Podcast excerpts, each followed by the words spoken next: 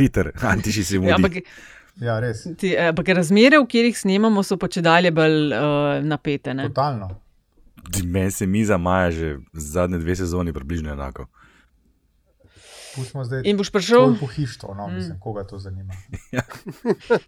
Mene, boš prišel na svoj račun, Andraš, si ti omenil v prejšnji epizodi, kera epizoda, to bo 92, evo, 30 let po volitvah, nove di Eh. eh.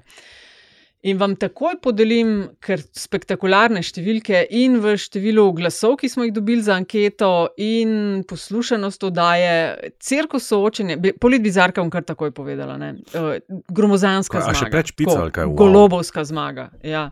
Cirkus soočenje na RTV, ki si ga predlagal 80 odstotkov. Fino sem Wow. se zagrebil, fino Ja. sem se zagrebil. To, to, to močne zmage še ni doživela nobena bizarka in ima potencial, da bo To bizarka je leta. tako rekoč da referendumska se- zmaga. Ja, ampak res. A, to, da se Tunin vidi kot premijer, ta želja je mu 11 odstotkov prinesla, potem ta soočenja kandidat oziroma predstavnik naše dežele, da če želimo iti naprej, moramo pogledati kmeta sto let nazaj. Je na tretjem mestu s petimi odstotki, Tunin Podgoršek Fejl pa štiri odstotke. To so bili rezu rezultati zadnje politbizarke. Danes imamo emergentno epizodo, tako da bomo ta del preskočili, ker je ogromno zapovedati, da je aljaš špica. A lahko še pred špico pojasnimo, da uh, ni polibizarki zato, ker je stanje dokončno prišlo v fazo bizarnosti. Pred nami je časna naloga. Jaz uh, na takem formatu ne morem sodelovati, ker ne vidim v tem popolnoma nobenega smisla. Če bomo s to današnjo razpravo še dolgo časa nadaljevali, se pa z nas zgodi, da bomo ljudi odgnali. Malo me boste zrinili iz mize, gospodje, ampak hvala. Drugače mislečih je tukaj samo ene pari in vemo, kdo so. To je LDGD, podcast, ki nikogar ne podcenjuje in ničesar ne jemlje preveč resno. V imenu svojih najbližjih in v božjem imenu vas pozivam na lov. Ljudje plešajo. Poslušate ekipo v postavi Antiša Korjam, Primorske novice, Andraš Zorko Valikon, Aljaš Pengal Bitenc, Radio Chaos in Nataša Briški Meti na listam. To je podcast, ki nikogar ne podcenjuje in ničesar ne jemlje preveč resno, še posebej ne politike. Uh, lotimo se tekočih, pravkar končanih volitev, devetih v zgodovini Slovenije. Eh, Kar nekaj m, smo dobili tudi vprašanj, tako da bomo skušali tekom epizode razložiti. To je vse res. Um, jaz bi samo Ja. na začetku rad pripomnil, da a, nisem zgubil politbizarke, bil sem odličen četrti in sem se pač ne, uvrstil nad prag. Tako da, Bil si kot Bojan Križaj v Lake Placidu, v Vele Slalomu. tako, ne, da, ne, Dve stotinki. Da ne bo kdo govoril, da je klekešen bil kdo poražen. Ni bil. Minimalno 6 ur mesečno, Tako. minimalno. Tako da, you're good.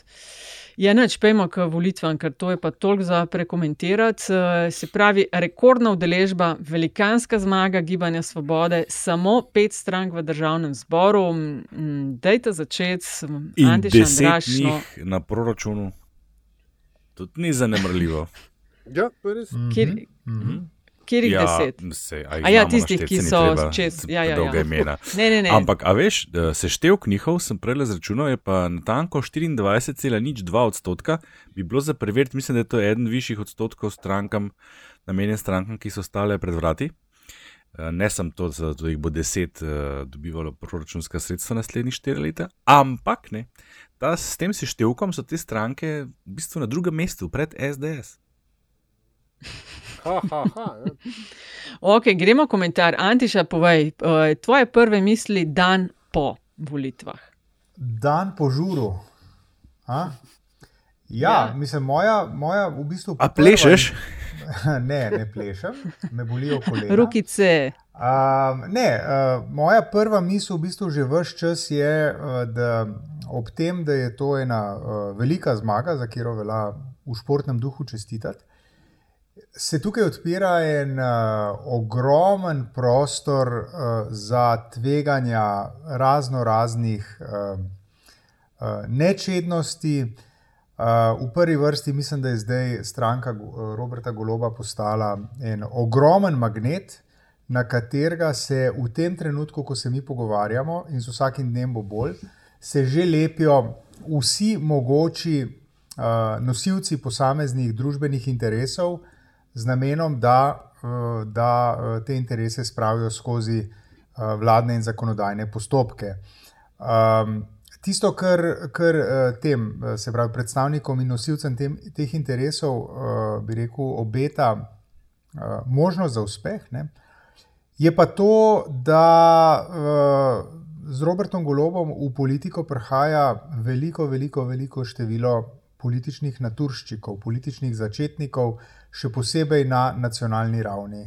On bo imel uh, zdaj 41 poslancev, uh, od česar, tako le če človek pogleda, marsikatero ime ne predstavlja prav, um, um, ne zazvoni v spominu kot nekdo, ki je na nacionalni ravni že funkcioniral.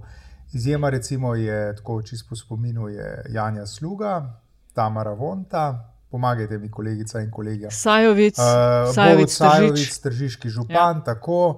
Uh, nekaj izkušenj seveda ima tudi, uh, tudi Robert Golop. Ne? Ampak, veste, mi smo jih zdaj našteli, koliko pet mogoče. Ne? Vse ostalo je nepopisan list papirja, In jaz mislim, da tukaj je, je, treba biti zelo, treba biti zelo pozoren na to, kaj se bo dogajalo. Jaz ne želim prejudicirati ničesar, daleč od tega, da bi hotel kogarkoli um, uh, obtoževati že vnaprej ali pa osumiti, da se bo karkoli dogajalo. Ampak ne, obstajajo pa nastavki čisti iz te scheme, ki sem jo na hitro opisal, uh, pri čemer je treba še eno stvar upoštevati. Ne, ta stranka je v bistvu nastala iz nič v koliko treh, štirih mesecih. Ne? In uh, kar pomeni, da je bilo zelo veliko ene pomoči od zunaj. Zdaj pa ne, lahko si mislimo, da bodo na eni točki tudi pomočniki začeli stavljati račune. Take ali drugačne. Zdaj, ki si to tako lepo opisal, jaz, če bi bil karikaturist, bi ga narisal, veš, kot Abrahama Lincolna na tistem stolu, tisti kip, ki ga imajo tam nekje na Capitol Hillu, ki je že. Ne, Nataša, ja, na drugi strani, v Washingtonu. Ja. Ja, ne. mhm. A veš, tako prav si ga predstavljam, eh, z tistim nekim pogledom, sploh s to vihravo pričesko njegovo in, in okrog velik malih ljudi, ki ne, prihajajo in se udinjajo po kolenih slejko prej. Uh, kaj tle še za dodatne? Ne samo to, da z njim prihaja to uh, takšno število polnoma novih poslancev, zato sem pa tudi že včeraj to pomenoval uh, eksperiment. Uh, Uh, mi smo spet uspešno zamenjali tri četrt parlamenta, če sem jaz dobro štev. Uh, včeraj sem nekje zaznal, da je 23 poslancev samo istih, kot so bili v prejšnjem sklicu. To je zdaj spet ena popolna menjava. Mislim, mi smo res frajeri. Res, res, res sem pa razmišljal, kva, kva za vraga nam je. Ne? In je to, po mojem, res ene vrste, ene vrste gambling. Tako sem se spomnil na to tudi sredi epidemije, ko smo se sprašvali, zakaj, kako smo postali tako, uh, kako bi rekel brezbrižni v tistem drugem valu, jesenskem, če se spomnite. Ne? Ko je se zdaj ful trudno, da bi čim dlje govoril, ker imaš od zadaj vrtnike na kolenu. Pa ja, se ni treba. hecam se, hecam. Ne, a, a se spomnite, takrat, ko smo razpravljali, pa mislim, širša debata je bila v družbi, odkot ta brezbrižnost. Ne? Pa sem pa potegnil paralelo z unimi časi po 90-em, ko so vsi hoteli na hitro nekaj zaslužiti, pa so vlagali nare v, v svakojake sumljive finančne scheme. Ta, ta želja po nekih, ja, pa piramide, pa Unforex, pa Orion, pa tega je bilo kokar češ. Pa Dadas, pa Dadas. Itd, ja, sploh uh, ta, ta je bil sploh poznam enega, ki je tam fulno razgovoril. V glavnem. Jaz poznam dva. v glavnem. Uh, a veš, ugotavljam, ugotavljam, da smo v bistvu Slovenci tudi pri teh novih obrazih zelo podobno se vedemo. Uh, znači, prišla na misel paralela, da, so, da smo tako, kot mislim, ne smo tisti, ki volijo nove obraze, ne tako, kot veš, tisti občasni igravci lota, ki jim je pred prijatelji mal naroden, ki jih zalotijo, da je loto plačal. Da to tu malo za hec delajo, ne? takrat je milijon, pa to veš. Ampak v bistvu v mislih, pa da to tako vejo, da ne bo noč, ampak v mislih pa že gradijo hišo. Ne? In pol, ki tistega milijona seveda ni, ne? so pa tečni na vse okrog sebe. In, in mislim, da je odnos do, do novih obrazov podoben, ker tole me zelo spominja na 2014, na, na projekt Mira Cerarja, oziroma tisti volilni projekt Narodne rešitve, zelo podobno, ne se odstotek je tukaj, tukaj, če se ne motim. Sam malo manj poslancev so takrat dobili zaradi teh ve večjih izpadov iz parlamenta letos. 34, 49 je takrat Cerar dobil, Svoboda pa Evo, 34, no, 56. Smo, to, to je identično skoraj. In potem, kaj se je zgodilo, potem, kmalo zatem, res kmalo zatem, Miro Cerar ni imel nikoli v javnomnenjskih raziskavah, potem ko je bil izvoljen, več take podpore kot na volišči, ker je bil uh, izjemen primer, ker do zdaj predsednik ponovadi še malo pridobi pol, oziroma ta zmag zmagovita stranka. Ne? Ta primer je pa bil lik ravno nasproten. Tako, ker se mi zdi, da bo zgolj mislim, nekdo je včeraj modro pripomnil, ne? kam pa še lahko greš, če si tako visok. Um, Viš, kva, po eni strani ja, ne? po drugi strani pa ne vem, če gre za brezbrižnost in uh, bomo videli, kaj bo. Ampak se smo tudi na tem mestu že večkrat to omenili. Gre za ta obratni mesijanski kompleks. Ne, ne, ne gre za to, da bi Robert Golob mislil, da je mesija, ampak da narod misli, da je Robert Golob mesija. Tako kot je za Mira Cerarja mislil, da je misija. In seveda sta oba um, vodila uspešno uh, ali pa dovolj amorfno uh, kampanjo, da so vsi projicirali vanjo um, svoje želje, hotenje, pričakovanja in strahove. In seveda ko bo nujno, ko ga bodo razmere ne, bodočega premijeja, verjetnega Roberta Goloba, prisilile v ukrepe, v konkretne stališča, potem ne, se bo zgodil ta trg z realnostjo in da ej, to pa ni to, za kar sem je svolo. Klej, klej mislim, da, da govorimo. Tisto, kar je pa, kar pa tudi jaz, kar, kar je Antiša zelo elokventno besedo ne, in sklej se popolnoma strinjam, ta learning on the job. To je v bistvu glavni problem, ki kratkoročno zdaj čaka gibanje stranko, gibanje Svoboda, ker je Miro Cerar in predvsem njegovi ljudje, ki so mu vodili poslansko skupino, so rabili približno leto in pol do dveh, da so ugotovili, kako, kako se ta špil res igra. Na drugi strani ga bo zdaj čakala poparjena, visoko usposobljena in visoko motivirana ter maščevanje željna opozicija. To zna biti kruto, če ne bodo od štarta bili pripravljeni na uh, trdo igro. Pa ne samo to, jeseni ga čaka uh, tudi kruta realnost z vseh možnih vidikov. Mi zdaj živimo v enem takem, uh, v eni iluziji živimo trenutno. Kaj govoriš, da bo, govoriš o tem, da da bo stranka, ki je na državno-zborskih volitvah tako premočno zmagala, soočena s tem, da bo zelo težko zapolnila svojo, uh, svoje županske, uh, mesta za županske kandidate. Ne, sploh nisem imel volitev v mislih uh, lokalnih, jaz sem v mislih okoliščine. Aloh, ti v bistvu uh, govoriš o tem, da bo zima uh, dolga in mrzla. Exactly. Pa še kaj drugega zraven.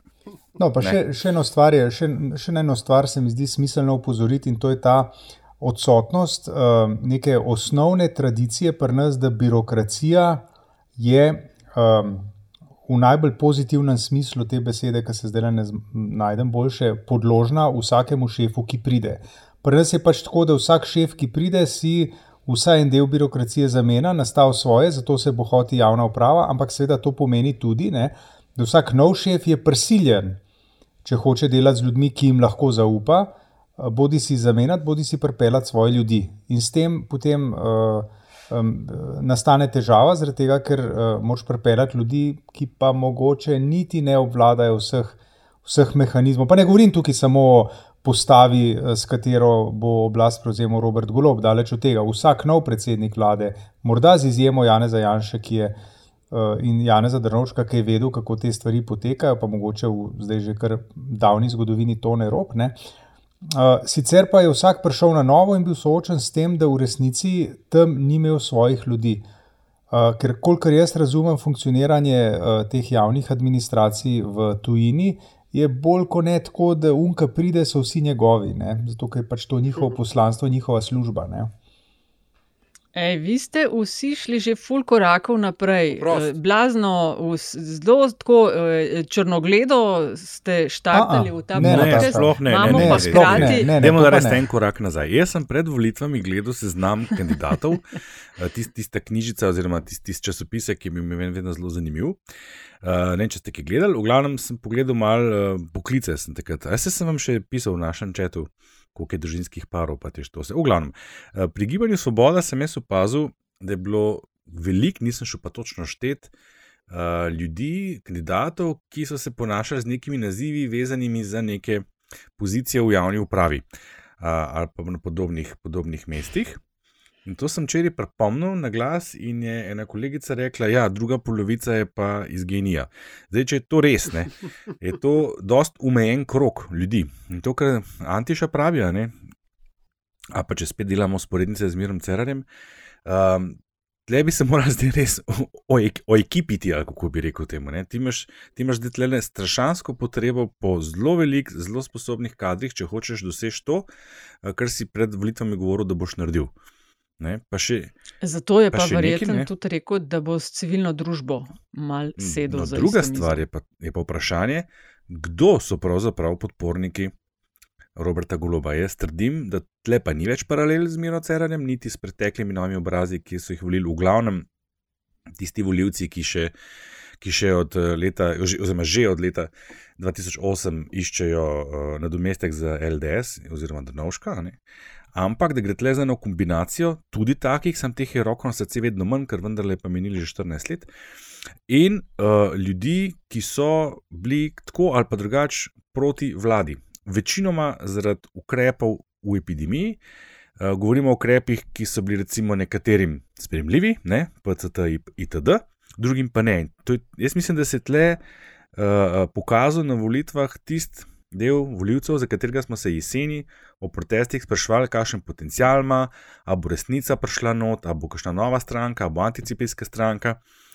In smo ne vem, zakaj vsi se mi zdi malo spregledali, čeprav jaz sem na to opozarjal, da se je ta stranka nadela ime, ki je, bil, ki je bilo uh, nosilno geslo teh protestov - Svoboda. In jaz verjamem, da je to velik del njegove podpore. Zdaj imaš pa ti tle precej raznorodno družščino zbrano. Ne?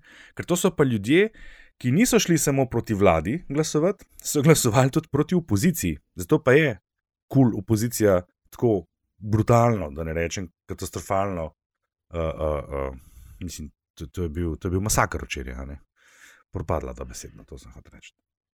In zdaj, ja, cool zdaj, pa, zdaj pa ti probi zdržati podporo cool, oziroma zaupanje tako raznotere skupine ljudi. Čaj, mene zdaj samo zanima, na kateri točki kleti nisi bil črnogled. Si si najbolj. Veš, kaj, takoj ste štartali, kje bomo par mesecev kasneje. Po mojem je fajn uh, tudi uh, v štartu povedati, udeležba je bila spektakularna. Ni sicer še vse prešteto čist do konca, ampak trenutno je ta številka 69,84 odstotna, kar je četrta najvišja udeležba v zgodovini slovenskih volitev. 14 ali nekaj takšnega je bila tretja, na tretjem mestu. Um, misel, ko sem jo jaz imela ob tej veliki zmagi, piše, da je skoraj vsak ta drug kandidat od Gibanja Svobode šel naprej, ja. dobil poslanski mandat, 41 Se, mandatov, kar je oren velik. Oni so dobili skoraj polovico mandatov, če štejemo še manjšinca, ni so manjkali. 44. Na, to je bil zelo močen, brand, stvar... bil zelo močen brand, ki je vlekel. Ne? Če ja. si se ti naslikal z uh, značko uh, GS, ne, um, so se ti neizmerno povečale uh, možnosti za izvolitev. Spet, ne, spet smo, kaj voljivci Slovenci, smo zamenjali polovico parlamenta s popolnoma novimi osebami stranke, ki je nastala tri mesece pred volitvami. In to se nam že zdaj, ali dva meseca, se ne vem uradno. Nam se to zdaj kar naenkrat zdi normalno. a veš, ampak prejšnji teden sem jaz kar z nekaj novinarji iz tujine govoril in se vsi čudijo. Pa so rekli, pa spet imate nekaj novega, pa spet se je pojavil tih, pa spet mu kaže do zmaga. Odkot, kako, zakaj ne? Mi smo se pa na to očitno navadili. Ampak to je, to je tisti gambling, o katerem sem prej govoril. Ne? Ampak, glej, glej sta dve, dve stvari. Sej, uh, dejstva seveda držijo, ne? ampak uh, dve stvari sta. Nove stranke se zdaj popravite me, če se motim, ampak vedno pojavi, ali pa skoraj vedno pojavi uh, kot odziv na Jana Zajanša. Ajde, Miro Cerar je tukaj izjema, ne? ampak. Um, Maren Šarec je izjema. Ampak on ni bil. On je bil no, poskus, no. jaz, jaz, jaz, jaz, ja. jaz mislim, da je bil LMŠ in tak sistem error. No. Um. Ampak, veš, tisto, kar, kar je mogoče pač še bolj še bolj važno je, in sem zdaj ta hip zdaj lepo pozabil, kaj se hoče povedati, uh, je pa. Ampak, Okay, bom ja. No, dej ti, no, pa se mi smo spomnili, da je to še kar nekaj, kar niče ne moče, mislim, rezati. No, ena stvar, ki sem jaz razmišljala včeraj, taka velikanska zmaga, ne? kako je moral goloba trgati, ker ni v živo mogel biti tam, ampak na povezavi. A veš, koliko je to enih uh, foto priložnosti in ga ni moglo biti zraven. Pa takšen velik, vel, ja, jaz ne mislim, vem. Vsak, vsak bi si želel ob taki veliki zmagi biti v živo tam s podporniki, govoriti o stvarih in tako dalje. Ob tem pa, ne, to pa se mi ne zdi vsem zelo velik, uh, zelo dober. Velika moč je koncentrirana v rokah enega. Ne. Ponavadi 41 poslancev je ogromno, ponavadi postanejo pol mal pijani od moči, ta višinska bolezen jih napade in delajo neumnosti. To se je zgodilo Cerarju in njegovi ja. ekipi po 2014. To smo iz prve roke zvedeli, še... priznali so rekli, veš, mi smo, bili, mi smo bili pol leta pijani te zmage, sploh nismo vedeli, kaj delamo. Točen. To pa še davek za to res veliko zmago in za to, da se stop naredi tistmu, kar se je dogajalo, sta pa zelo visok plačali LMŠ in SAP, sta dala življenje in padla za svobodo. No, zdaj se me spomnila, kaj sem hotel povedati. Ne? Ker tisti, mogoče je Robert Golob res penast, ker ni mogel dobiti, uh, ali pa poparjen, ker ni mogel dobiti tega fotoopa. Ne? Ampak še bolj poparjen je pa lahko Janez Janša, ne? ki si gotovo misli, jaz sem hotel imeti 50, plus, jaz. Ne? Vse življenje je delal za to in zdaj je Robert Grob prišel tako blizu. Ja, pa mislite, da je Janša kdaj res verjel v to, da lahko prije na tako številko ali pa saj na 40? Ja, Misliš, da je? Ja, seveda. Da je to, Mislim, da, da, da je to pa... taka deluzija, ta sporedna realnost, ko se je zgodila, da res verjamem. Poglej, odkar je LDS leta 2000 dobila tiste ambasovne odstotke in imela dvotretinsko večino, ki jo je tako briljantno zafračkala, da si seveda zaslužijo, ne, da, da jih ni več na, na, na sceni je, to, je vse to možno. Ne? In resnici na ljubo, mogoče bomo danes o tem kaj rekli, potencial za vsaj kakšno projektno dvotretinsko uh, koalicijo obstaja tudi to. Se je vzpostavil včeraj okoli 11, ko so šli sedeži iz SDS iz 31 na 28, drži. Tako je. Ne? In tle so zdaj na potezi in Robert Golob, ki je govoril o širšem povezovanju, in NSA, ki je govoril o povezovanju čez ideološke okvire. Pa da jih ja, vidimo, v bran, da jih vidimo. črnogledosti. Ne, v, v kate, eh, ki ne, ki, same težave, vidite, ne, same napake, ne, ne, ne. pa novi poslanci. Temu, pa... Eh, česar si na ju tako šefovsko zvišeno uh, no, no, no, no, no. obsodila z Andražem. Ne, jaz pa mislim, da je to zelo pomembno. Jaz mislim, da je zelo pomembno, da mi pogledamo uh, tisto, kar se in skušamo predvideti tisto, kar se zna zgoditi. No. Jaz mislim, da je to pa zelo pomembno. To. Ne, da je to ena, ena ključnih funkcij, ne, a veš. Uh, uh, ljudi, ki tako le mečkam. Sem pa tja, kaj povemo o politiki. Ne? Moje stališče do oblasti je izjemno kritično. Mi smo kritični. V glavnem, v trenutku, ko neka opcija, pa tudi če je meni intimno zelo blizu, pa to ta seveda ni, uh, postane oblast, je treba začeti gledati pod prste, ker vsaka oblast se sfiži tisti moment, ko postane oblast. Tako da je No, ne mi zdaj s temi SDS-ovskimi metodami in potvarjati, kar sem jaz rekla, pa manipulirati, kaj sem rekla. Ne. Jaz samo pravim, da v prvem stavku sta že začela videti probleme, tam imamo pa na drugi strani stranko, ki je dosegla rezultat, kakršnega še noben pred njimi v 30 letih. Ja, pa vse to je problem. As... Ja, pa se, no, se, ja, se, se, točno, točno iz tega, Nataša, izhaja problem. Ja, Možen, ja, mandatov ja, točno iz tega izhaja potencial problema. Ja. Zaradi, da, oni so dobili toliko mandatov, ne zaradi odstotkom. odstotkom. Vem, ker je več strank noter, ne, ampak nima več. So ja, pogoji, kakršni so. Zaradi propada kula. A veš, oni so, Nataša, oni so samo štiri, oni so samo štiri glasove od uh, absolutne večine v parlamentu. Mislim, to je. Se pravi, ali sem rekla, da ne, iz tega izhaja, iz tega izhaja potencial sistemu. problema. Uh -huh. Aljaš, prosim, no. če zbudiš politologa v tebi, a poznamo ja, kakšen ja, tak ja. primer države s proporcionalnim sistemom, kjer bi imela ena stranka tako večino. Redko stvariten. Mislim, po mojem, kakšen HDZ ali pa je, da so imeli kdaj kaj. HDZ je večinski pore, sistem, ja. tisti proporcionalni. Ali vidiš, to tudi on, tega pa sploh ne. Italija ima proporcionalnega, Norveška ima ja, proporcionalnega, ja, ja, Nizozemska. Ne vem. No, demo, kakšno čist za par sekund, mogoče to LMŠ in SAP sta padla za svobodo. Kaj besedno, povemo o lepa, lepa. Kaj povemo o njima lahko? Klele pa bomo pol na SDS, a so pušali ali niso, ali so ne imeti jaz, pa Andraš, se moramo kle skregati, ker Twitter občestvo to pričakuje. Ja. No, pa bom jaz nekaj no, povedal, posebej videl, kregi. Pa pa ti začni. No, jaz, mislim, je, jaz mislim, da je uh, slab rezultat obeh strank, ki si jih omenila, Nataša, je po mojem posledica uh, tega, da jih ljudje v veliki meri še vedno krivijo, v narekovajih, uh, zato da so nam. Uh, uh, na, Tako rekel, nakopali, spet v narekovajih, oblast Jana Zajanša. Eh, to je prva stvar, in druga stvar, da ljudje niso pozabili tega, kako sta se tudi imenovani stranki oziroma njuni uh, njuna predsednika, predsednica in predsednik, da ni bilo prav velike in tople ljubezni v času sovladanja. V obdobju 18-20, tako da po mojem je to še zmeraj en tak rep, rep njunega bivanja na oblasti. In potem, seveda, ljudje so opazovali, kako, kako ni uspelo s kulom, pa kako so bili formalno v kulu, pa še zmeraj malo vsak sebi, pa potem te uh, poskuse z Rjavcem, pa z Damjanom in tako naprej. In to se je ljudem vse nalagalo, in jaz mislim, da je ta umankanje podpore uh, včeraj posledica tudi tega, in seveda tega, da so na vsak način hoteli zagotoviti uh, volivci te liberalne, libertarne uh, strani v slovenski, v slovenski politiki, uh, da so hoteli za sigurno zagotoviti, da Janes Janša gre z oblasti. In so to presodili, da najlažje naredijo s tem, da dajo glas Robertu Golobu.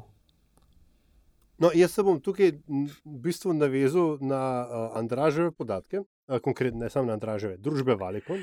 Z mojimi podatki se boš kregel z mano, tu kumičak. Ja, kumičak.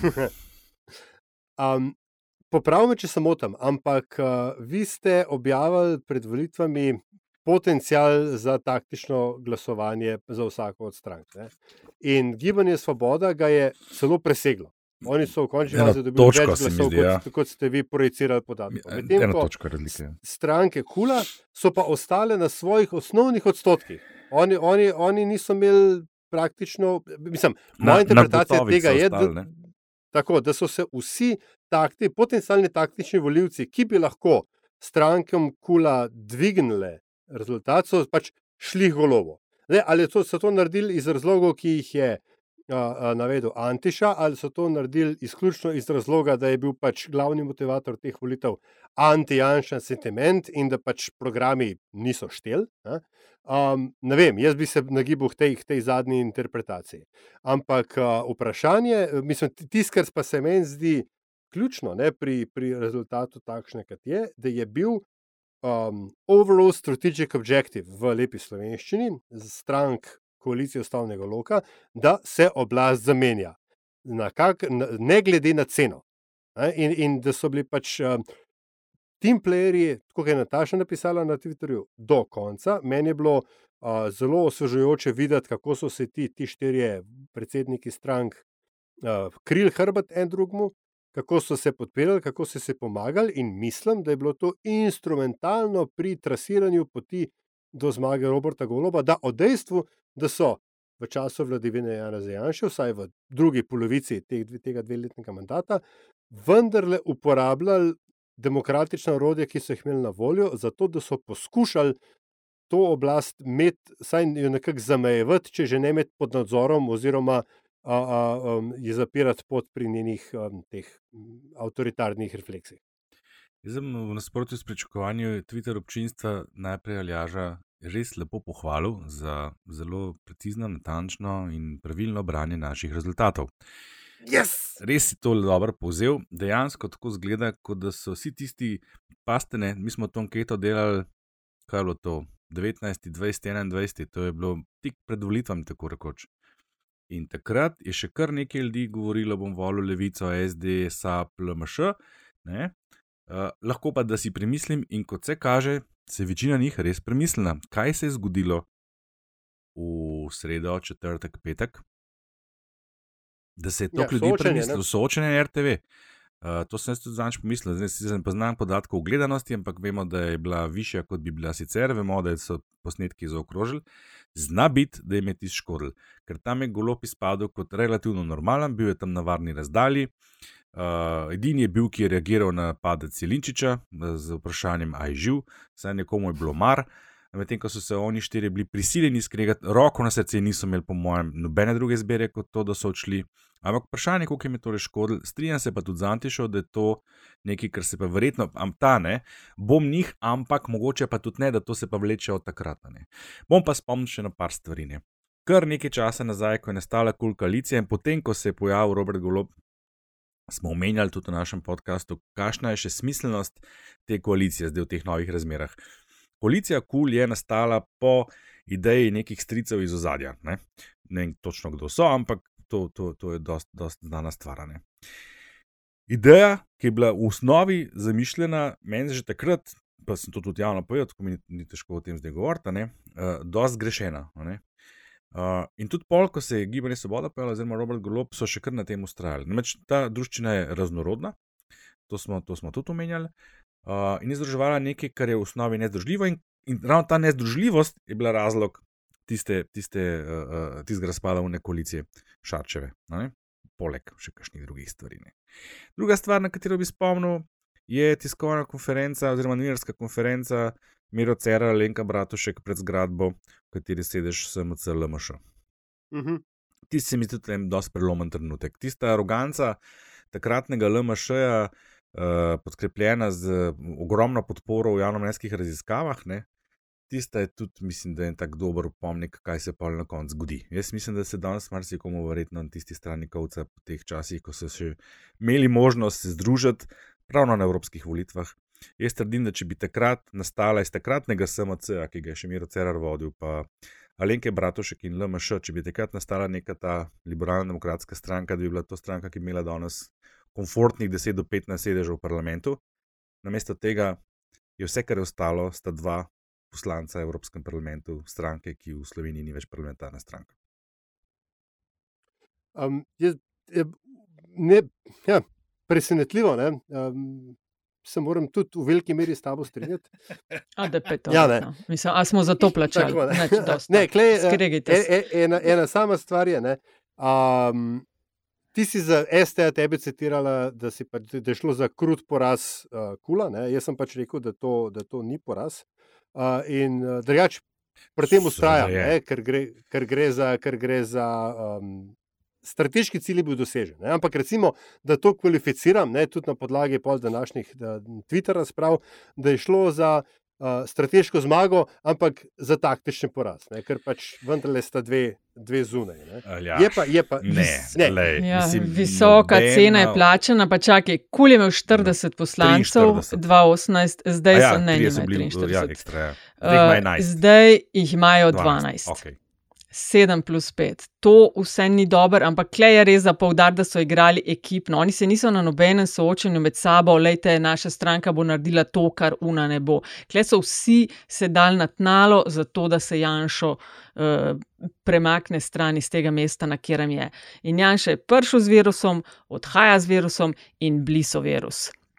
Škoda, ki so jo naredili na račun vladavine prava, človekovih pravic, stalne demokracije, ki pada, minusi na računih, ki se bodo zdaj v naslednjih tednih in mesecih šele zares pokazali, totalanje bombončkov, tri krasne tik pred volitvami, ne?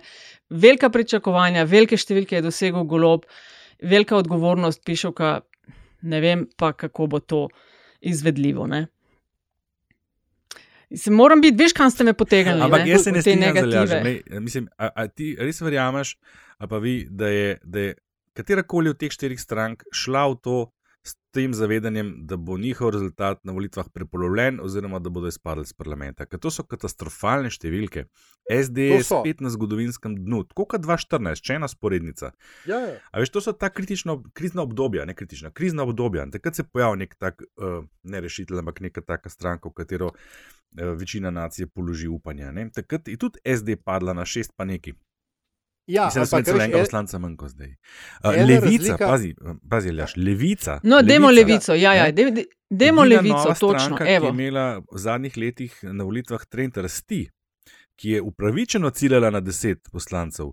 Misliš, da je ona samo zaradi žrtvovanja za skupen cilj pristala že naprej na to, da bo na koncu dneva se celo trepetala, je sploh not ali ni? Ne, graš, ne gre za napake, ne, napake so delali, to je stvar. Ne, ne gre za unaprej pristati, ampak gre za to, da so bili pripravljeni tudi to žrtvovati. Ker ne, a, mislim, da je bilo tokrat, letos, je bilo no. vsem no. jasno, da če letos demokracija zmaga, ni nujno, da bomo naslednjič se še pogovarjali o demokraciji. No, mogoče bi bilo. Ja. To je, to, veš, to je pretirana, pretirana trditev, ki so jo furali petkovi kolesari. Tle so res preterali s temi fašizmi, urbanizmi. Ja, ne vem, kaj vse. Ves čas sem govoril, Slovenija je bolj leva kot desna. Ta vlada ni dobila večine na volitvah in je nikoli ne, ne bi in ne bo. Jaz ne vem, zakaj je bilo treba toliko tulto teh stvari, ker to je odganjalo ljudi. Ja, Od ne, levice, mislim, od vseh teh strank. vem, Pa mogoče bi bilo bolje, če bi žrtvovali Kordiša, ne pa, ne pa osem poslanskih mest, koliko so jih izgubili. Glej, ampak v času, ko nismo imeli fašizma, ne, smo dobili uh, eno umno, uh, v času, ko nismo imeli fašizma, smo dobili um, pokorjeno, uh, pač pokorjen parlament, uh, uničene, oziroma poskus uničenja NGO-jev, uh, smo dobili uh, uničene javne medije. Uh, mislim, če se to dogaja v nefašizmu, kaj se šele dogaja v fašizmu? No, a veš, ma, uh, pretiravaš, da no, RTV ja, ja, so se ne lotili vem. dva Antiša- meseca nazaj. Uh, ampak in od- glej, kaj so naredili v dveh mesecih? kaj? Glej, kaj so naredili v dveh Ja, mesecih? par negledljivih oddaj, no, ampak mislim, a veš, to, to ni fašizem. ne, no. Ne, mislim, si- no, no, Dajmo glej, ne sej, pretiravati. glej, No. Če ni, lej, se strinjam, če ni fašizem, kaj bi še le bilo? Ja, ampak Tako- tako ne da- bi bilo, zato ker ne more biti, to je to, kar jaz več čas podarjam. Meni je bilo popolnoma jasno, da na naslednjih volitvah bo ta vlada padla. Tudi če se ne bi gulo pojavil, bi pa pač silom prilike volili stranke kul. Cool. Ja, kako, če očitno so delali napake? Če ne bi bilo goloba, ja. jih ne bi, a ne? ker mislim, tle je bil neustrezen odziv na to, kar se je golob pojavil. Ne? Oni so šli, ok, v redu, golob se je pojavil, ok, gremo dalje. In so še kar naprej funkcionirali kot celota, ako ravno štiri različne stranke, ki so si v bistvu po programu. Programih kar precej različne. A veš, ni bilo A diferencijacije. lahko na račun levice nekaj malega dodam? Ne vem, no, a Ne. ne, no, probi. Ker, a ne sme, a lahko. A sva se dosti skregala. Ne, no, pri, primerno, ja. Veš, kaj bi pri levici? Mislim, to je pod pričakovanji. Oni so se prepolovili. Včeraj sem spremljala rezultate in mislim, da je tam do enih 75, po 75 odstotkov preštetih glasov so šele prišli na 4 odstotke, kar je bilo kar težko spremljati. ne. Uh, je pa seveda po bitki lahko biti uh, pametna. Tri stvari, ki sem jih omenjala tudi v našem podkastu, ki jih nisem štekala, zakaj delajo v kampanji. Ne? O obdavčenju nepremičnin. Če je slovencem kaj svetega, je to hiša, pa je to avto. Ne, ne glede na to, kako so zmanipulirali, kaj oni želijo govoriti, morajo eh, narediti, morajo vedeti, da je kampanja nekaj, kjer se pokvečijo sporočila. To z nepremičninami nisem razumela, s komarkoli izven Ljubljane. Sem govorila, so vsi, a to so tisti, ki nam bojo vzeli hiše. To je ena, druga, v luči vojne v Ukrajini, govoriti o mi smo za izstop iz NATO in manjšanje obramnega proračuna, ko imaš ti eno finsko, eno švedsko, ki hoče iti v NATO, kar nikoli prej ni bil primer, se mi tudi no, ni zdelo prav pametno. napaka. In tretja, veš, tretja stvar, ki so jo omenjali, eh, v, oni so omejevanje plač v privat podjetjih, tisto razmerje 1-10 so omenjali. Mislim, to enemu delu ljudi živc pade po tleh. Nič več jih niso na ta račun dobili, so pa koga gotovo izgubili. Plus, oni govorijo o delavcih, o revnih, nagovarjajo najšipkejše, najšipkejše, ki jih pa očitno sploh ne podpirajo. Njih podpira, grobo rečeno, center Ljubljane, očitno po teh uh, podatkih, ki smo jih dobili. Par, par oddaj nazaj sem govorila, veš, kako boš na lokalni sceni imel podporo. Če pa tam kandidirajo ljudje, ki sploh niso, niso od tam, niso domačini, jih noben ne pozna. Ne, tako ven iz centra. Zakaj te to čudi? Vse to je bilo vedno tako. A, mi- a misliš, da so bili bolševiki delavci? Ne, bolševiki so delavcem govorili, da so oni na njihovi strani no. in jih razumejo. Ne? In Nataša. kmetje tako isto. a veš. Še ena stvar, to, na, to kar je Ja. Antiša v vodoma omenil. Levici mnogo kdo učita in še zdaj zameri, da so oni tisti, zaradi katerih je padla vlada Marena Šarca. Nekateri krivijo, m, to krivimo gotovo, slabo presojo Marena Šarca, drugi krivijo pa levico. In to je ostalo. Mhm. Mislim, a veš, na koncu dneva, ko potegneš črto. Potegnem črto. Ja, oni so meni, se zdi, največje leti razočaranje, virusa zaradi tega, ker- trpeli, a razumeš? Ne? In, in ne- nekdo mora plačati račun za to. In to očitno ni bil samo Janša. Ne? Ampak zdaj mene samo zanima, Andraš, ne, zdaj, če se strinjaš, da so bile to napake same po sebi, kako bi potem ljudje še vedno glasovali za njih? Ne? Če so bile to takšne, takšne resne napake. Ne? Če, Če ne bi bilo alternative, bi pač njih zbrala. Ne? Ja, ja. Se pravi, da jih je v bistvu po tvoje uh, je levico porazil in pač kul porazil Robert Golob. In to, da se niso ustrezno odzvali, ko se je on pojavil. Ker je bila, se spomnite, ko smo Pa ni isto, jaz pa ne bi dajala in LMŠ in SAP na isto kot Levica. Levica ima vse malo drugo bazo ljudi, ki jih voli, vse malo bolj trdno. Mal... No, se z tega vidika ja, je, je ta poraz pri Levici, pa SD, čeprav sta To je- preživeli, je hujši. Ker ste izgubili ne une, ki hodijo levo, desno, oziroma ki se sprehajajo od stranke do stranke. Ampak Svoje, svoje, v bistvu. svoje, ki so jih imeli. Antiša, kje si ti? LMŠ jih Daj povej, kaj na temo LMŠ. Veš, da smo za LMŠ že govorili, da uh, par mesecev nazaj. Pa so me spet začeli preživeti, pa kam imaš proti šarcu, pa zdaj kaj takega. Sem rekel, da je vprašanje, če bojo preživeli. E, By the way, njih, ta preživetveni indeks novih strank je okrog, maksimum, ki ga je dosegel, je bil SMC, ena tretjina, ne? ampak to sem tudi enkrat, mislim, da na glas rekel, da je SMC imel dovolj poslancev, LMŠ pa da se boji, da jih nima dovolj, da ne. Antiša, da še ti kaj povej no, na temo levice. Ja, mislim, uh, ko, je bilo, ko je bilo zastavljeno vprašanje, ko je bilo zastavljeno vprašanje, zakaj za vraga so oni tako težili z nepremičninskim davko- davkom. Ne? Jaz jim tega niti ne bi ne, jemal tako zelo za slabo, ne? zaradi tega, ker so pač povedali tisto, za kar se zauzemajo. Zdaj, je bilo to. Mi se mi zdi v tem smislu iskreno, ne? Zdaj, um, kako je ta stvar bila odspinana kasneje, ne? Kot si ti, če tebe citiram, Nataša. Ja, A to so ja. tisti, ki nam bojo pobrali hiše, ne?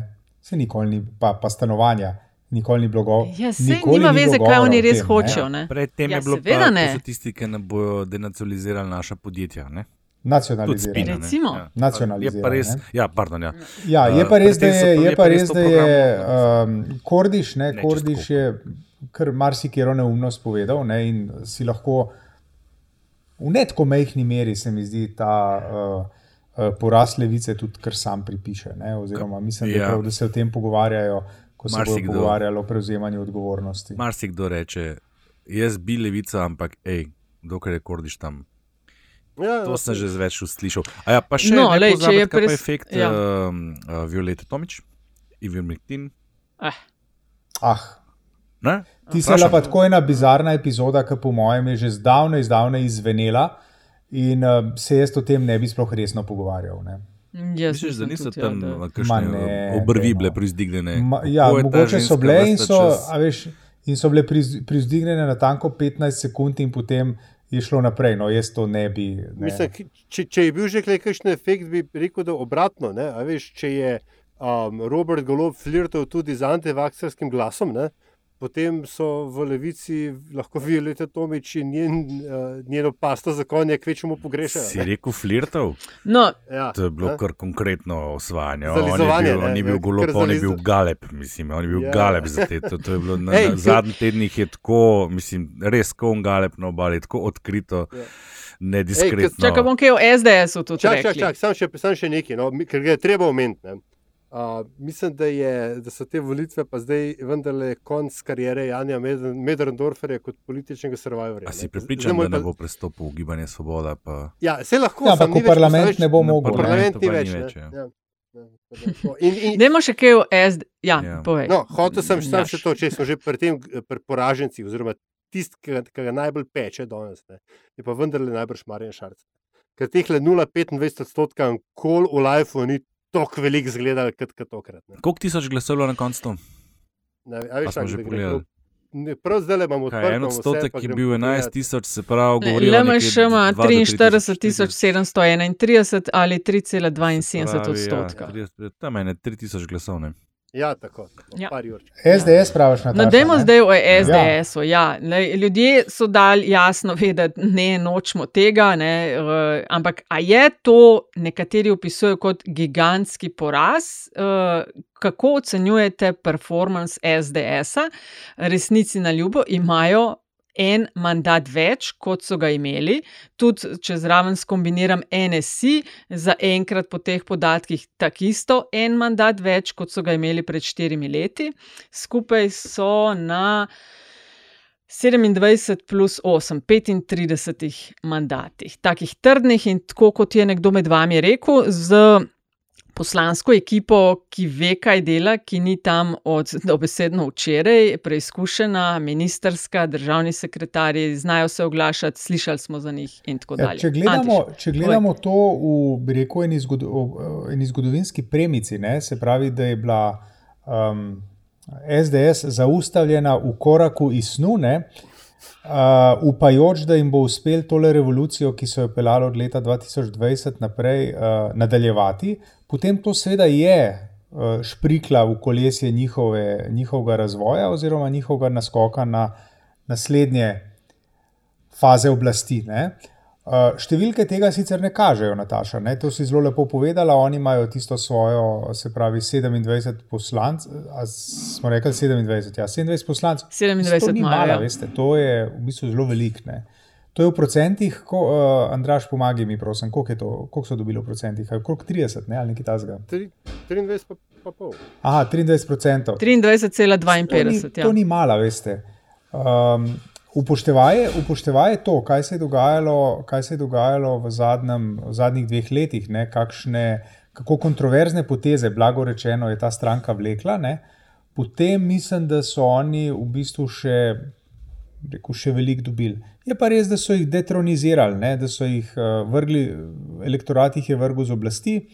In to seveda boli, ne? da pa to zdaj uh, strašanski, strašanski uh, poraz, zaradi katerega bo Janez Janša ha, ha, ha, um, povlekel konsekvence in odstopil z položaja, se Ja, pa ne smemo sle- slepiti. Ne? To se ne bo zgodilo, to se ne bo zgodilo in ta stranka bo, po mojem, dobila. Uh, strnila bo vrste in dobila pospešek, po mojem. Samo počakajmo, da mečken uh, otresejo si glave. To se mi zdi kar, to se mi zdi kar drzna napoved. Uh, jaz mislim, da to, kar je konkreten poraz, ne glede na vse te blažitve, ki jih je Janez Janša včeraj uh, povedal in za katere se je kasneje izkazalo, da nič od tega ne drži. Um, se pravi, z, z, z uh, največjim uspehom, ne kaj že v določenih okrajih, pa in tako naprej. Ti se je malo koliko izmišljeval, Antiša ja. lepo strinja z mano, to mi je všeč. Um, Dejstvo je, da ta vlada dve leti živela v prepričanju, da je najboljša vlada na svetu, da je naredila toliko dobrega za slovence, kar še nobena vlada do zdaj, da, da, da smo vsak dan poslušali in gledali grafe in, in se uh, uh, naj bi čudili statistikam takim in drugačnim, ovakim in onakvim. Ne? In če ti potem z vsem tem, kar ti govoriš, komuniciraš in v to očitno verjameš, priješ na volitve in zbereš vsega skupaj, koliko imajo 28 plus 7, 35 sedežev v parlamentu, je 34 to po novem. 34 ponovim, je to za me kar krut poraz. Ker bi morali ob vsem tem, kar so oni govorili in bili prepričani, da, da so naredili in da to obstaja, bi morali imeti, pa ne vem, no, mislim, oboj skup, oziroma z vsemi strankami, ki so jih pomagali ustanoviti in financirali, financirati, to bi morali biti tam nekje na 50 plus mandatov. Ne? Točno to. Točno to In ne. so zelo kar- daleč od tega, in to je za me res konkreten poraz. Tako, v, res, v, v resnici ne, so tukaj, ne, če so kulovci poraženi, ne, for, recimo za, for the sake of the argument, je uh, desna, desna stran ravno tako, ker po vseh teh investicijah, ki so ti zdaj tako lepo povzel, da ponoviš rezultat od uh, volitev 2018, ko je lovili, levica več kot očitno lovila ravnotežje do zadnjega tedna, ne, Uh -huh. je, je pač ja, je kar lapsusno. Ja, ja, ja. Mislim, lapsus. Oni so, povej mi, kje stranke so, mal gledam podatke, kje stranke so, ko so bile na oblasti, pa če izuzameš tistih prvih nekaj volitev, ko je LDS na prvih treh vedno boljši bil ne, od eh, prejšnje iteracije. Kje stranke so pa pridobile? Dost naravno je, da vedno mal zgubijo, Ne. ker folk kaže s prstom, lejte, to ste naredili, niste Naravno, naredili. mislim, ampak to, to Oni so med 20 in 30 odstotki skozi. Oni imajo več poslancev, kot Enega so jih več. imeli. No, več. In skupaj z NSI jih imajo 35 in to trdnih, za razliko od tistih 41, ki bodo, po mojem, v naslednjih letih bodo kar tarča, tako kot so bili Cerarjevi, pa Šarčevi, ki so pa mal prehajali v druge stranke in so ugotovili, da mi pa mogoče nismo ideološko na levo od sredine, smo pa mogoče skrajna desna ali pa desna. Nataša, definiraj trdni poslanci. Koliko si imel prebegov SDS v zadnjih štirih letih? Uh, ja, nekaj jih je bilo. Ampak, Nobenega, ne, ni nobenega. res. No, mislim, nekaj, nekaj V pa je zadnjih treba štirih priznati. letih ni priznati. Prestopil noben, samo pridobili so ga. Koliko si imel prebegov, recimo pri stranki, kot je SD? Okay, Nobenega, je samo pridobili so. Nataši oziroma šefici Štefici. Uh, SDS se je počasi približala nazaj unim najboljšim številkam iz leta 2008, 2011, 2004, 2008, 2011. Mislim, da njihov maks je bil nekaj čez 300 tisoč. Oni so po tistem pacu 2014, ko so padli na 180, splezali nazaj na 220 in nekaj, 2018, in so zdaj šli še za nadaljnih 450 tisoč gor na 276. To, to pa je, to pa je res. Ne? Tle pa so mobilizirali, Mislim. tudi oni so uspeli mobilizirati, ne samo leva sredina. In enako velja za Novo Slovenijo. 80 tisoč je za njih rekorden rezultat. No, Če kaj vem, pa njih. upam, da se nisem Ja. zmotil zdaj.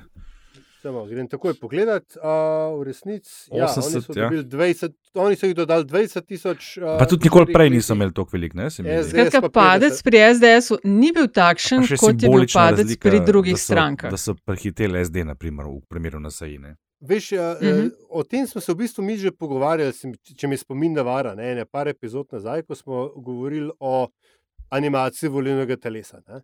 Uh, Sveda smo to predvsem gledali v kontekstu anti-janša momenta in tega, kar so delali uh, NGO-ji, pa to, ampak seveda ta animacija se je prelila tudi na drugo stran.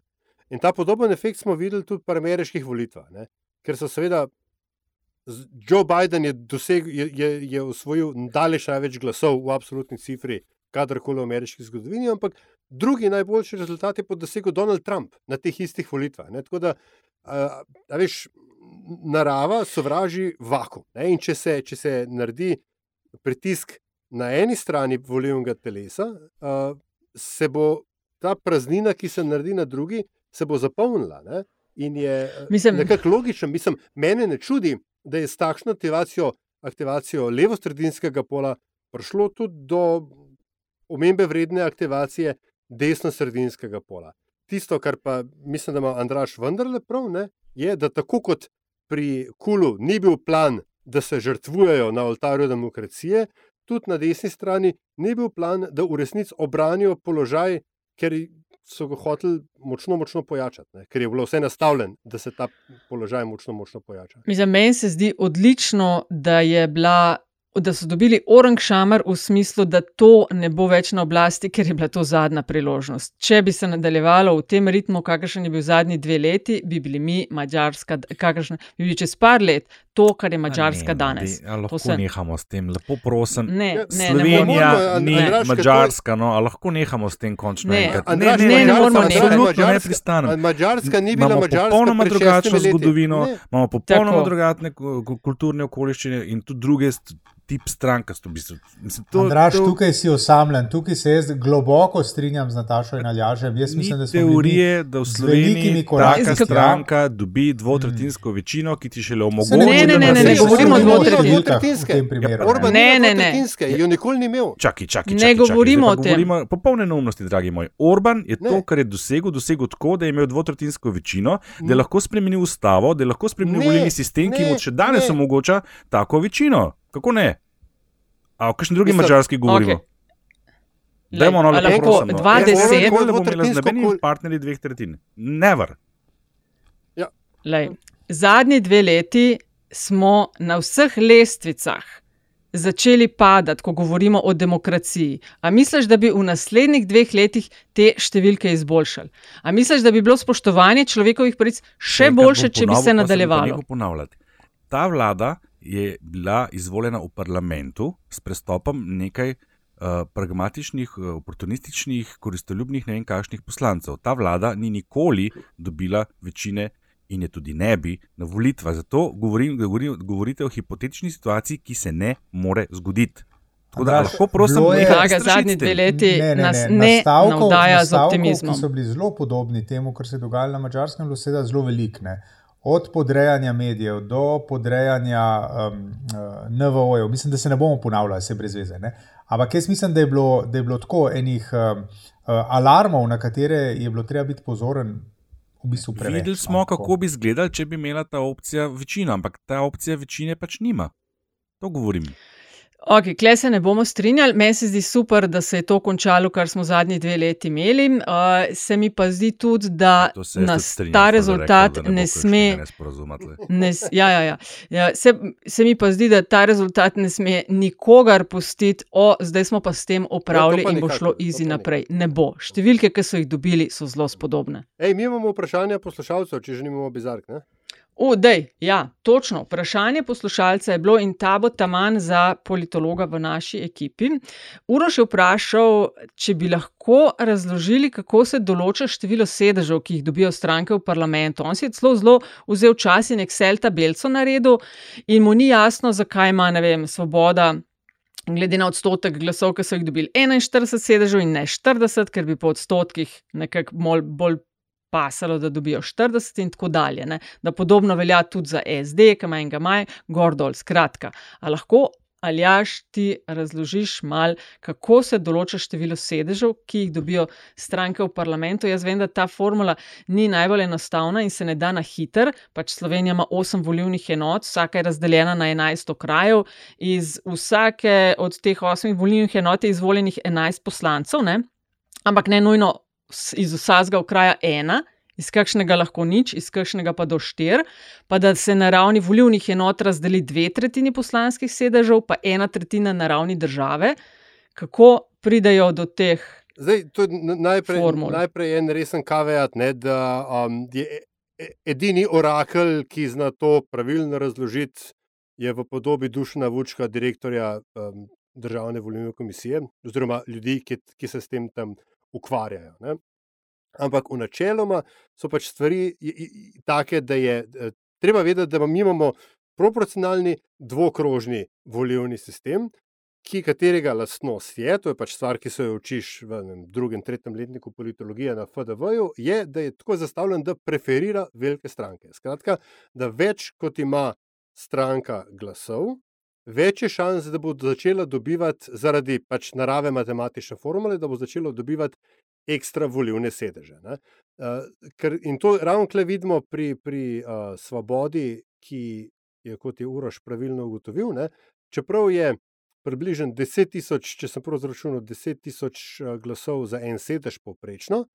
Uh, svoboda dobi enega ekstra. Zdaj, tega ekstra ne dobi zato, ker bi pač bila velika, ampak uh, ga je dobila zato, ker je so se, ker so se jim glasovi na ravni volivnih enot tako zložili, da so bili njihovi kandidati um, ravno na pravilnih mestih pri, teh, pri tem količniku. Ne, ker se, sem že zakompliciral, vidiš. Ampak hec o tem, da se, ne, dobro, da se gre za vsako volivno enoto se izračuna količnik, ki, uh, s katerim se deli število glasov, ki ga je stranka dobila na ravni volilne enote, in koliko krat gre pač ta količnik v število glasov, toliko mandatov ta stranka ima. Eh, ker pa seveda se te številke ne, ne zložijo do eh, števke natančno, imamo neke ostanke.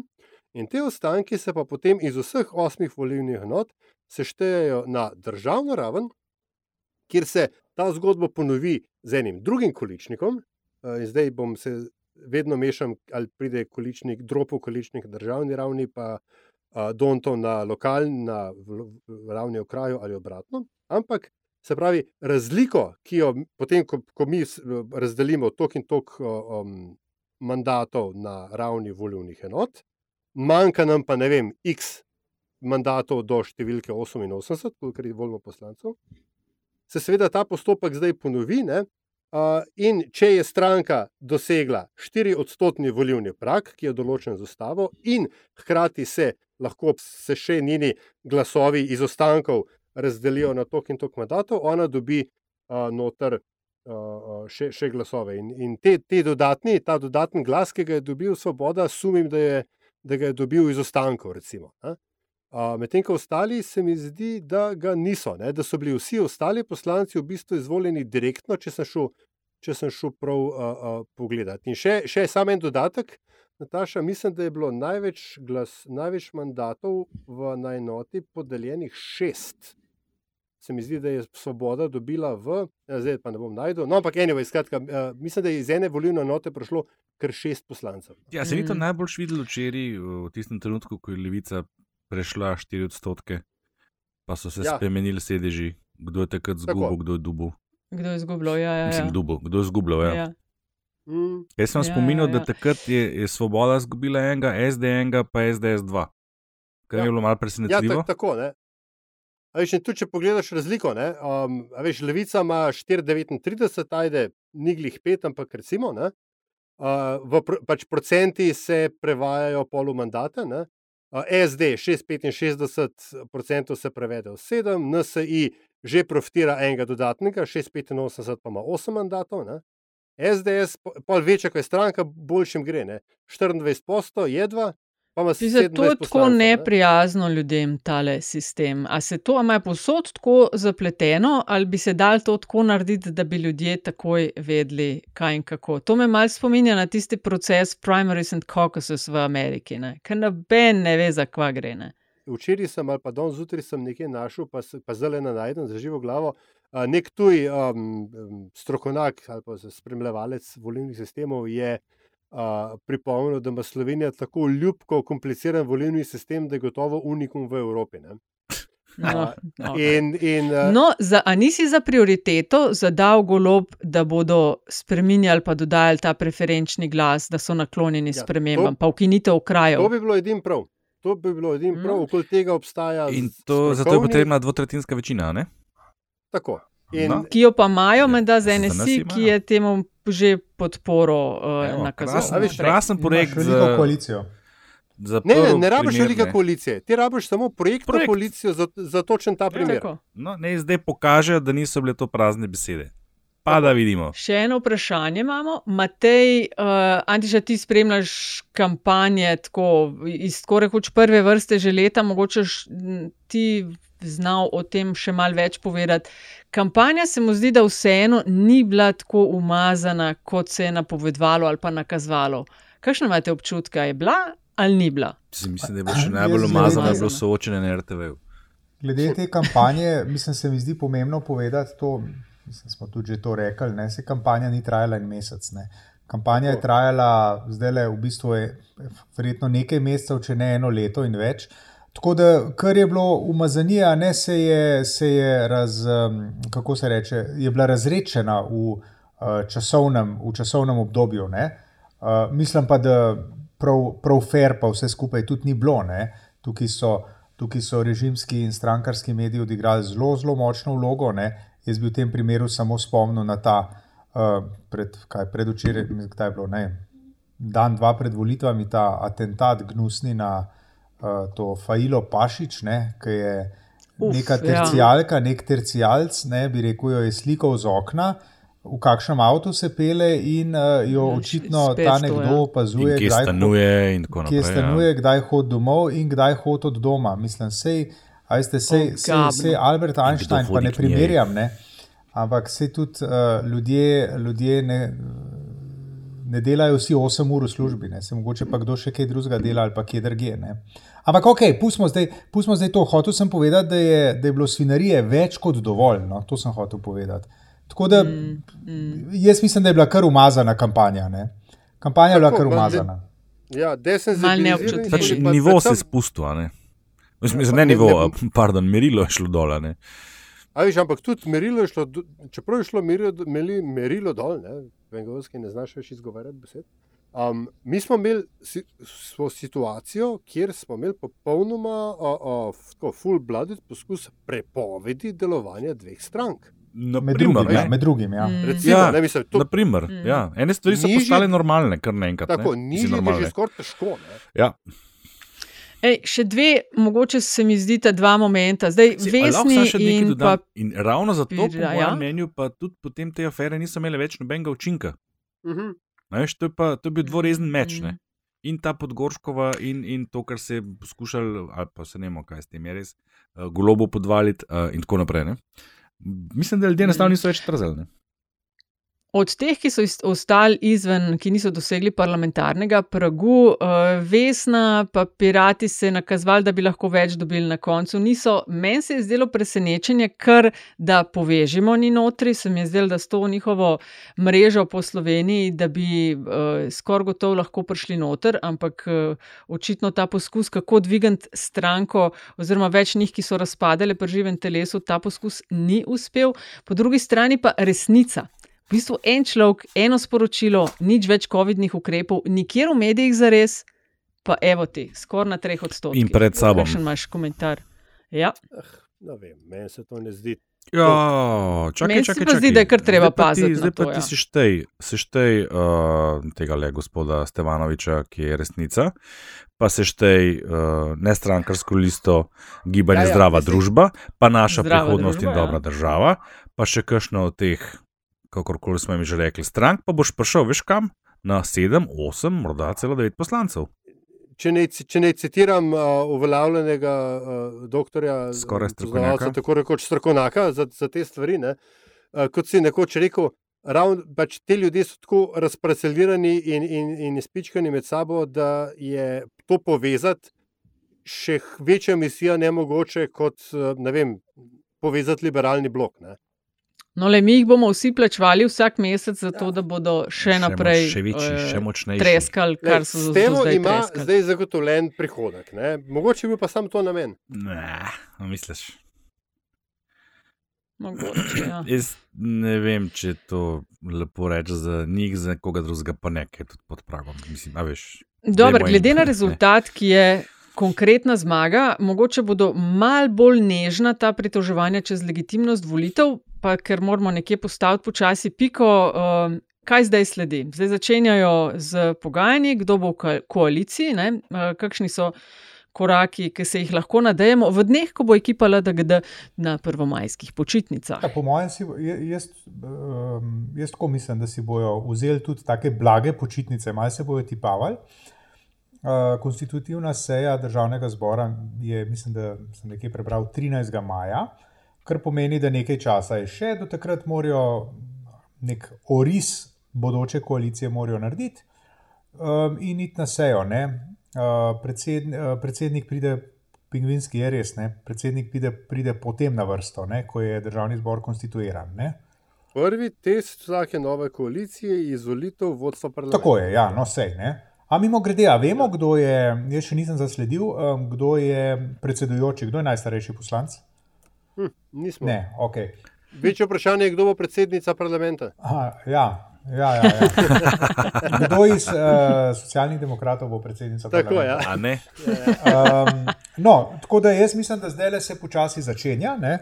Nataša, um, otipavanje, prvi pogovori, ampak jaz mislim, da vsaj še v torek, ne, se pravi danes, na dan predvajanja tega, um, ne bo nič, ker bo Robert Golob do takrat v izolaciji, pa se bo pa počasi začel. Ne? Mm. Se pravi, bomo naslednjič o kakšnih ministerskih ekipah, da se stavimo vlado, ne? se rabijo pomoč. Ja, ampak jaz mislim, da je v tem Ja, hipu a? to absolutno prezgodaj. ne. Veš, Mislim, kaj bi- se bo zgodilo? Ja, čudežno se bo obrnila plošča. Uh, zdaj ponovno opozicijske stranke SDS, ne? kar naenkrat bodo vsi uspehi in neuspehi, kar naenkrat spet ne bo več enega do RTV-ja in ga prisilno plačeval, kar naenkrat bo vse, kar smo do zdaj videli, ravno nasprotno, kot je bilo. To Pa bo ne tudi- pozabimo, fiskalno mislim, pravilo bo naenkrat ful Vse bo pomembno. pomembno, kar je bilo prej nepomembno, in vse, kar je bilo prej nepomembno, bo postalo pomembno. Jaz sem pa hotel predlagati, saj za tiste, ki smo na Twitterju, da kaj pa če bi zdaj, ker to je pa tudi res neznosno brati in poslušati, bilo že mislim, med, med vladanjem, ampak takrat je bilo vendarle treba spremljati, da smo gledali, kako počnejo res. Ampak zdaj, so opozicija, pa to dosti irrelevantno postale. Kaj če bi mi nekako to probali zignorirati, nekako eh, zblokirati, zmutati in se ne ukvarjati s ker res mislim, da je bil en, tudi en velik, eh, nepotreben korak v nepravo smer. To, da so ljudje besno retvitali vse te umotvore, ki so prihajali z njih kleti, pa bo to. to je, tega še danes ne razumem. Kar je lepo, lepo pokazala slika uh, v dnevnikovem objektivu od Marka Plahute, virostatika, ne. koliko jih je v resnici mala. Ne. A veš, kaj te mi vprašal? A ti smo bolj navkle? Sem, Ja, res da greš v politiko, tako dajmo, sodelujmo skupaj, razumimo se, bodimo nežni en z drugim. Plešimo. Ne, sem ne jih retvitati za božjo voljo, mislim. Pa se čuditi, Ja. kakšne norije pišejo, res. Pa Antiša, na, tako, na prvo žogo mislim, da je Jožef Horvat eh, najstarejši, vsaj po tem, No, kar sem evo, zdajle ja. na, na hitro pogledal. no. Evo, No, evo, kaj si hotel reči? No, evo. Uh, ali uh, vohaš ne, težave? Ne, imamo ga, no? imamo, uh, očitno imamo nekoga, ja. Kar se mi zdi čisto ok. ali Ne, pa- glede ne, na to, u, ne, sorry, sorry, se popravljam, Miroslav Gregorič. Aha, no, Naš, uh, Ja, ampak ta je No, od potem stanovi. pa- ja, ne, pač. Lih sem, ho- Svoboda. jaz sem lih hotel reči, da če bi to vodil uh, Jožef Horvat, bi to lahko bilo ok, ker ima dolgo parlamentarno izkušnjo in bi ta stvar lepo šibala. Ne? Zdaj, Miroslav Gregorič z vsem spoštovanjem nima, ampak jaz mislim, da ga bojo spreparirali do prve seje, da bo, tudi Ja, ja, ja, ne. vodil Opozicija bo zagotovo. da bo vodil več kot suvereno.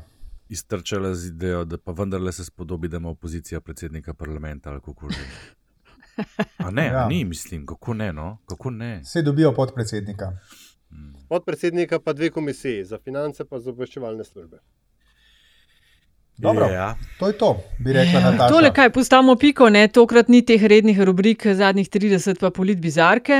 Od politbizarke si moramo tako in tako od teh rekordov o pomoči do naslednjič. Eh, Tako da hvala, ker ste nas spremljali, se pa slišmo spet po prvomajskih počitnicah. Eh, Lepo jih izkoriste, lepo se majte, pa brez zamere. In uživajte, dokler lahko. Bilo je ludo in nezaboravno. In uh, živel dan osvobodilne fronte.